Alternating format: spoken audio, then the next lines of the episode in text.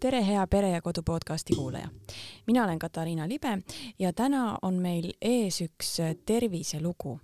mulle on külla tulnud äh, Liisi, kes räägib oma lapse terviseteekonna ja sellest, kuidas nad said täiesti üllatusliku diagnoosi. tere, Liisi! tere! täna siis sinu laps on algkooliealine, jah? jah, jah. kuidas see teekond alguse sai, kuidas te saite aru, et, et midagi on selle lapsega teistmoodi? Äh, no ütleme nii, et äh, väiksest saati on tal olnud äh, kõne arengu probleem, no ütleme nii, et see on võib-olla, võib-olla paljude poiste vanemate mure, et sealt, sealt pealt ei osanud tegelikult midagi arvata, et ta on käinud ka mm, tasandusrühmas, ta on saanud abi ka sellest nii-öelda puude määramise süsteemist, et noh, ütleme nii, et, et kõikvõimalikku abi ja kodust tegemist, tegelemist ta on, on saanud. aga ja, ja jah, ühesõnaga ta, läks, läks tavaklassi ja, ja, ja kõik tundus nagu tegelikult noh, on ju paremaks minevat, kuigi, kuigi tal ka, ka nagu koolis veel oli selline äh, noh, on ju teatav kõnepuue tal on, aga noh, see ei häiri teda nagu suhtlemisel ja noh, on ju, ta sai, sai sõbraks vene lapsega, on ju, kes võib-olla üldse ei saa aru, et midagi nagu valesti on. et selles osas noh, nagu noh, on ju probleemi nagu lõpus ei tundunud enam nii suur, sest sellega sai tegeletud. aga siis jah, järsku juhtus, see oli, see oli siis ühel ühel sellel koroona kevadel laps oli siis on ju koduõppel ja, ja järsku siis lapse käitumine muutus noh, nagu ikkagi nagu sada kaheksakümmend kraadi, et äh, mingil hetkel ta hakkas äh, kartma kõiki, kõike, nutma pidevalt, et äh, ma ei saanudki üldse aru, mis asi teda nutma ajab, meil oli mingisuguseid päevi, kus ta näiteks terve päev nuttis ja ma läksin lõpuks temaga EMO-sse, et noh, nagu mis siis nagu, midagi peab siis olema, et, et laps ei suuda seda siis võib-olla väljendada või nagu mi, milles asi siis on. Ja noh, on ju EMO-s loomulikult kõik näidud olid äh, jumala okei okay,, et noh, jah, mingi oksendamine oli seal olnud, aga noh, see, see nagu noh, on ju, see oli üks värske terviseprobleem, millega me seal tegelesime, ma ei osanud nagu selle kohta ka midagi arvata, et kas need on omavahel seotud. ja, ja siis see, see läks tegelikult ka nagu noh, edasi, et äh, noh, on ju, siis ei saanud noh, on ju väikeste lastega üldse nagu uudiseid on ju ei tasu kuulata, aga noh, see seal nagu on ju ta nagu otsiski ainult neid negatiivseid uudiseid, et et noh, kõigest, kõigest võis endast, endast välja minna. et see koroona ja kõik see hirmutas teda siis jah? no see koroona ka hirmutas, aga, aga eks noh, see ei olnud põhjus, vaid see, see põhjus oli nähtavasti kuskil, kuskil mujal tema enda ajus mm. -hmm. ja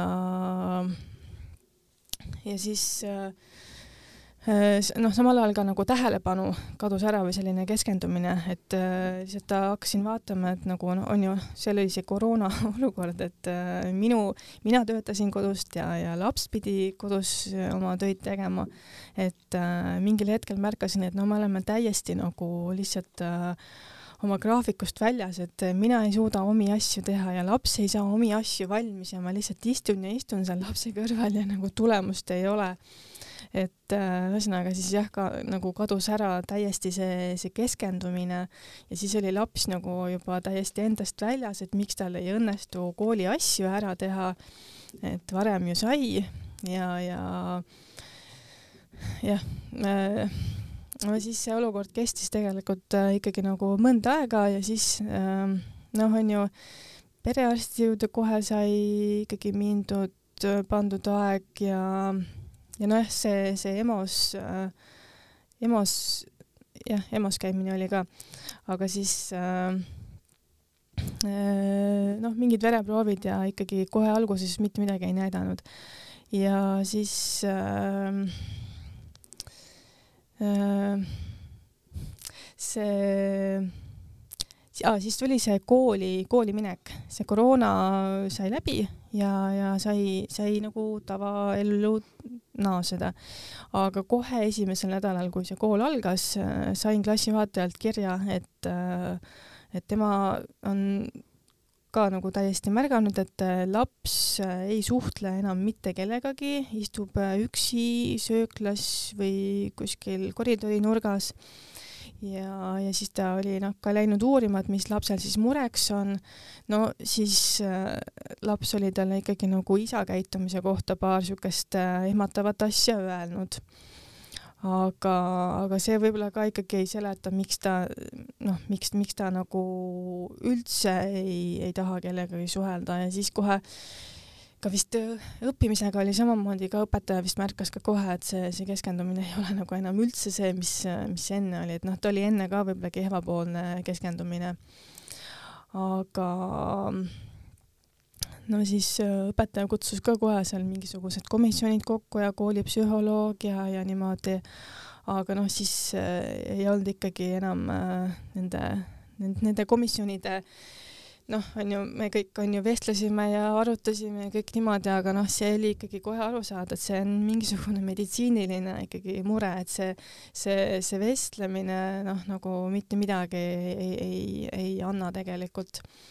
ja siis noh, on ju perearsti juures, perearst tegelikult äh, vaatas-kuulas, aga noh, need äh, oli kohe aru saada, et see, see tähelepanu on ju ja see, see pidev nutmine ja see, et noh, seal mingid vereproovid ja asjad ta tegi ära, aga selles suhtes, et seal oli kohe aru saada, et seal on ikkagi kohe vaja edasi saata sinna laste vaimse tervise keskusesse, et noh, perearst esiteks ei määra mitte, mitte mingisuguseid, on ju, depressiooni ega ärevushäirete vastu lastele neid ravimeid. ja, ja noh, siis on ju, panime sinna edasi ja siis äh, siis äh, see kõik võttis jällegi nagu mingisugune, see, see paberimajandus lihtsalt võttis ka nagu mingisugune kuu või kaks või mingi niimoodi ja siis lõpuks, kui tuli sealt äh, laste vaimse tervise, tervisekeskusest äh, see, see nagu info, et noh, on ju, et nüüd panime teile aja, on ju, siis ma hakkasin vaatama, et seal on nagu mingi kolm kuud oodata, nagu kuidas ma sellise lapsega nagu Äh, kolm kuud ootan, kes mul on ju kogu aeg nutab ja, ja, ja mis veel seal nagu see läks, lugu läks edasi selles mõttes, et äh, mingil hetkel ma hakkasin märkama, et ta on ka nagu kohati nagu A-kontaktne et, äh, et noh, näiteks äh, mingi riidesse panek, et ma pidin hakkama seda algkooliealist last äh, mingil hetkel ise riietama, sest et ta ise lihtsalt ei märganud üldse, mis ta ümber toimub et äh, näiteks noh, on ju, või siis see, et, et mina panen talle jope selga ja siis ta mingisugune hetk ärkab, et aa, et aa, jopet oli vaja panna ja siis ta topib endal teise jope nagu selga või siis lähme välja ja, ja lapsel on nagu jalas noh, on ju erinevast komplektist äh, saapad. et noh, on ju enne ta ikkagi noh, on ju vahel, vahel küll juhtub siukseid apsakaid on ju ka täiskasvanutel, aga tal lihtsalt nagu selliseid asju juhtus kogu aeg, et ta tuli kuskilt äh, on ju teisest toast, tal oli mingi asi käes ja ta ei saanudki aru ise, et ta ei mäletanud enam, mis tal, miks tal see asi nagu käes on või mis ta üldse seal teises toas tegi või, või, või ja siis on ju lapse lemmikküsimus või noh, on ju lemmik on võib-olla halb sõna, aga lapse kõige, kõige rohkem ta küsis ühte asja, mida, mida, mida, mida, mida. justkui ta kogu aeg midagi nagu ei kuuleks või ei märkaks. et äh, pealtnäha võib-olla naljakas, aga siis see kõlab ikka lapsevanema jaoks väga hirmutavalt, jah? ikkagi nagu ja. mingil hetkel sa saad aru, et see on ikkagi nagu äh, noh, see ei ole tavaline, see ei ole normaalne, isegi nagu kehva tähelepanuga siukse poisslapse kohta, see ei ole tavaline. ja siis äh, noh, on ju, aga siis on ju äh, sinna, sinna psühhiaatri ajani, mis ma oletasin ja noh, ka perearst oletas, et see on see koht, kuhu meil vaja on minna. sinna on ju, Eestis on need ajad on nagu röögatult pikad ja siis põhimõtteliselt kuidagi juhtus niimoodi, et mul tuli meelde, et mul on üks sugulane äh, psühhiaater ja no ta Eestis ei töötanud, töötas Soomes ja siis äh, mm, ta on tegelikult nagu minuvanune, nii et mul ei tulnudki see alguses üldse meelde, et ma võiks nagu mõne on ju tuttava poole siukse asjaga pöörduda. et äh, aga jah, siis äh,, siis ühesõnaga kõik need sümptomid ja värgid ma saatsin siis temale ja kuidagi oli, juhtus niimoodi, et tal oli mingisugune sõbranna veel lastepsühhiaater ja siis äh, siis nad seal arutasid seda ja siis äh, no lihtsalt nagu selgitasid, onju, see mingit diagnoosi sealt nagu välja ei pandud, aga lihtsalt nad selgitasid neid erinevaid sümptomeid ja neid tervisemuresid, et, äh, et aru saada siis nagu, mida veel kontrollida vaja või niimoodi. ja siis sealt siis ta ütles, et et on olemas selline epilepsia vorm, mille puhul sul ei ole neid nagu mahakukkumisega äh, neid äh, Neid krambihoogusid, jah? jah, nii-öelda krambihoogusid, mis on, mille osas epilepsia on vast kõige tuntum. et äh, ta selgitas, et on olemas selline epilepsia vorm, mida sa üldse ei näegi, äh, mis siis nagu noh, magamise ajal avaldub, ehk siis seda on võimalik ainult ainult mõõta nagu noh, siis nagu haiglas selle aparatuuri all ja siis äh,, aga noh, et see teeb nagu ka tegelikult väga-väga palju kurja, et kuigi sa seda väljast ei näe, siis ikkagi nagu A-kontaktne või, või noh, on ju selline võib laps olla. ja siis oligi ja et see võib ka tekitada selliseid hoogusid, kus näiteks laps äh, korraks vahib kaugusesse ja siis ma kuidagi hakkasingi kokku viima, et tegelikult äh, ta ju väga palju, väga paljudel hetkedel ta nagu äh, unistab nii-öelda, mm, selle kohta midagi rohkem ei, rohkemat ei, ei oska öelda. ja noh, nagu ta nagu on täiesti võimetu sealt ka nagu välja tuua mm. -hmm, et nagu tardub ära. ja, ja, ja., et ta ei, ta ei ole see, et sa noh, on ju midagi huvitavat kauguses vahib, vaid et äh, ta lihtsalt ei kuule, ei näegi, ongi nii. ja, ja siis äh, no siis oligi, siis ikkagi kohe ka, et äh, jälle kiri perearstile, et ikkagi seda, seda neuroloogi saatekirja on vaja. Ja siis läks, on ju, veel kuu aega, kus ma selle aja sain, siis äh, neuroloog oli täiesti nõus, et tuleb uurida, kohe pani kirja, noh, on ju kõik see kirjeldus, mis ma talle siin rääkisin. Äh,, neuroloogil ei olnud mitte mingit kahtlust, et äh, tuleb kontrollida et, et kõik need sümptomid ikkagi viitavad sellele, et, et võib olla hoopiski see äh, epilepsia, see on probleem. ja noh, oligi kohe siis äh, saatekirjad siis äh, sellele EEG-le, mis on see, see esimene uuring, siis teine uuring oli siis see vist magnetresonantstomograafia või noh, igal juhul uurivad siis, et kas kasvajat ei ole. Ja, ja kolmas uuring siis, mis on ka epilepsia puhul hästi tüüpiline, on see geneetiku juurde ehk siis äh, esimesest uuringust siis äh, saime seda teada, et ikkagi on epilepsia ja noh, on ju, kahjuks me seda, seda ootasime ka kuu aega, sest et äh, arst oli suvel puhkusel, ehk siis nagu hästi-hästi aeglaselt läks kogu see, see diagnoosimise tee. ja aga jah, see oli nagu suur kergendus, kui ikkagi sai selgeks, et see on epilepsia, et ma ei ole siin midagi nagu välja mõelnud või mingi, ma ei tea, doktor Google'i abil ennast nagu hulluks mõelnud. et äh, enamus, enamus lapsevanemate jaoks ilmselt see see, see epilepsia nagu see kõlab, noh, on ju hästi-hästi hirmsalt, aga ma ütlen, et see, see eelnev, see mingisugune neli, neli või viis kuud, enne kui me selle õige nagu diagnoosi ja ravi saime, no see oli ikka nagu paras põrgu. et, äh, et depressioonis lapsega noh, nagu kes veel ei märka ka üldse, mis ta ümber toimub, no see on ikkagi nagu väga-väga raske, et ta ikkagi vajas kakskümmend neli seitse valvet ja seda enam, et see epilepsia kahtlus oli. et äh, noh, on ju, mina ei ole see ekspert, kes ütleb ette et äh, on ju, kas tal tuleb mõni mingisugune suurem krambihoog või, või kuidas see haigus kulgeda võib. kas siis epilepsia mõjutas seda ajukeemiat ka sedavõrd, et, et see põhjustas depressiooni? Mm, ja selle me saime siis nagu, seda, seda ma sain hiljem teada. et no okei okay,, ma muidugi Google'ist on ju uurisin ja, ja siis noh, jah, ikkagi leidsin, et täiskasvanud äh, elanikkonna puhul on äh, leitud seda, et äh, nendel äh, epileptikutel on nagu suuremad siuksed nagu eeldused depressiooni ja ärevuse jaoks. aga jah, põhimõtteliselt siis läks veel natukene aega, kui me saime sinna vaimse tervise keskusesse ja siis veel sinna noh, nagu doktori vastuvõtule, et äh, siis äh, siis jah, tema selgitas seda, et, et enne epilepsia diagnoosi või noh, enne, enne seda epilepsia ilmnemist võivad ilmneda hoopiski nagu mingid ärevuse tunnused või sellised. et selles mõttes jah, väga loogiline dia-, diagnoos. et et, äh, et jah, siis nagu muidugi alguses ta jälgis seda, onju, ta kohe mingit antidepressanti ei pannud, sest et epilepsia ravi oli ka üsna äh,, üsna hiljuti alanud ja see epilepsia ravi ikkagi nagu kohe,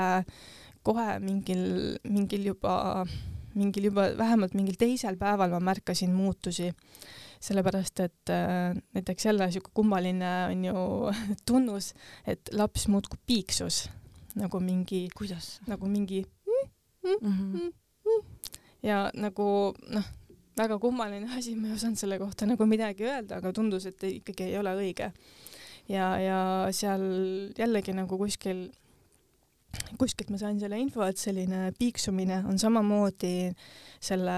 noh, nagu kergemat sorti epilepsia niisugune nagu tunnus, et mingisugused tahtmatud hääled või liigutused võivad kah olla et, äh, et jah, aga jah, kontaktsemaks muutus ka kohe, et sellest oli kasu. ja siis, äh, siis muidugi ATH diagnoosi ta sai ka, et ATH uuringuid talle tehti. et äh, noh, see oli tal ka ja siis oligi see, et valikukoht umbes, et kas paneme ATH ravi või siis äh, või siis on hoopiski see, see on ju ärevus nagu suurem, et noh, minu, minu kindlam, kindel arusaam oli ikkagi see, et algusest peale, et noh, ma olen siin ikkagi nagu kuus kuud juba depressioonis lapsega koos elanud, et ikkagi kõigepealt see selline tugeva ärevushäire ravi ikkagi ja siis sellest oli väga-väga palju kasu. et äh, kohe, kui see, kui see, see antidepressant siis äh, lapsele nagu kirjutati, et siis oli ikkagi kohe mingisuguse nädalaga oli see vahe, et laps hakkas juba vaikselt nagu tundis huvi oma mänguasjade vastu, tundis huvi suhtlemise vastu, teisi lapsi ei kartnud, suhtles ka täiskasvanutega et äh, on ju kõik see kuus kuud ma olin tegelenud nagu lapsega, kes äh, põhimõtteliselt omavanuseid lapsi nähes oleks põhimõtteliselt mööda seina kasvõi üles roninud, et, et ei peaks nagu neid, neid nägema. ja, ja on ju mängida mitte ühegi asjaga, mis enne meeldis, äh, absoluutselt mänguasjad täiesti nagu seisid, et äh, äh, mingisugune jah, sporti ta vist oli natukene nõus tegema, aga noh, sporti ei saanud jällegi teha, kui oli näha, et ta nii kergesti väsib ja, ja ja, ja noh, on ju epilepsia puhul ma olin juba kohe nagu lugenud, et noh, selline suur spordi füüsiline koormus ei, ei mõjugi võib-olla hästi. et et, äh, et jah, mingil hetkel tal ikkagi nagu rannas käimine ikkagi hakkas meeldima. et siis see oli nagu üks asi, mida suve jooksul nagu teha sai. et noh, mingitest laagritesse saatmist, saatmistest või, või kuhugi vanavanemate juurde saatmisest, et noh, sellel suvel nagu mitte midagi sellist ei, ei õnnestunud kas nüüd äh, te saite siis ravi peale, eks ole, et kas yeah. need äh, epilepsia sünt-, sümptomid on nüüd ka taandunud? jaa, ta on äh, kohe, noh, on ju, ta sai paar nädalat enne kooli minekut need äh, ravimid ja siis kohe kooli alguses oli ikkagi juba näha, et ta, ta vastab õpetajale, suhtleb äh, ilusti loeb seal oma asju, see küsimus, mida, on ju, see kadus ikkagi ka kohe ära, et, et ta ikkagi järelikult siis enam ei olnud neid äh, hoogusid, kus ta on ju mingiks paariks sekundiks äh, äh, pea ei tööta kas ta peab nüüd neid ravimeid võtma terve elu või mingi hetk saab selle haiguse välja ravida? Äh, väidetavalt äh, epilepsia ravi kestab kaks kuni viis aastat, et äh, laste puhul mulle on arst öelnud, et üldjuhul saab nagu välja ravida. et noh, see nähtavasti oleneb vist tekkepõhjustest, et tegelikult minu lapse diagnoosimine on ka veel pooleli, sellepärast et geneetiku, geneetiku vastust meil veel ei ole mm. Sa rääkisid sellest, et tal oli juba algusest peale natukene kõnega probleeme, et kas see võis olla sellest epilepsiast ja kas see on, oli tal siis juba ammu või see kuidagi süvenes ajaga või? Äh, et ta süvenenud nagu, ta ei süvenenud rohkem kui et sellel perioodil, kus ta juba täiesti A-kontaktne oli, sellel perioodil jah, nagu see kõne kadus äh, ära, eriti näiteks kui oli trennipäev, siis oli ikka väga selgelt näha, et äh, et mingisugune ülekoormus on organismil olnud ja no lihtsalt ei tule need sõnad. aga kõne osas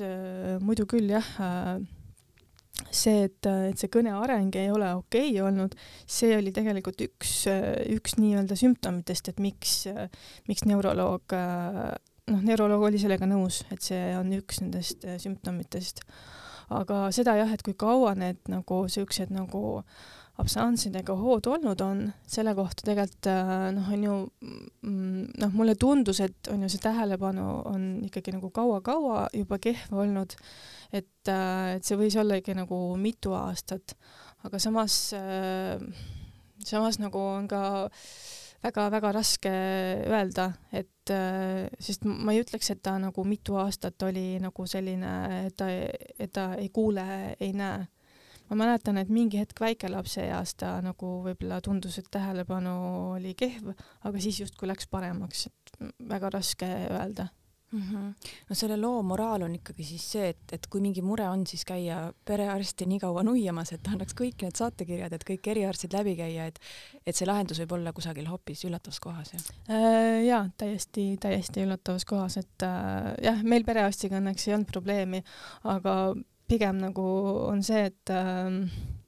et tegelikult ju eriarsti juures sai käidud, äh, kolmeaastaselt sai ju neuroloogi juures käidud ja räägitud seda ka, et äh, tähelepanu on kehv, onju.